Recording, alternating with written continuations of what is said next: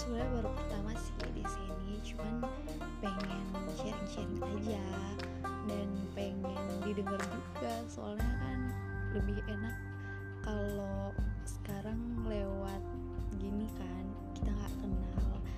Tapi tahu story daripada dengan teman sendiri tapi digibahin.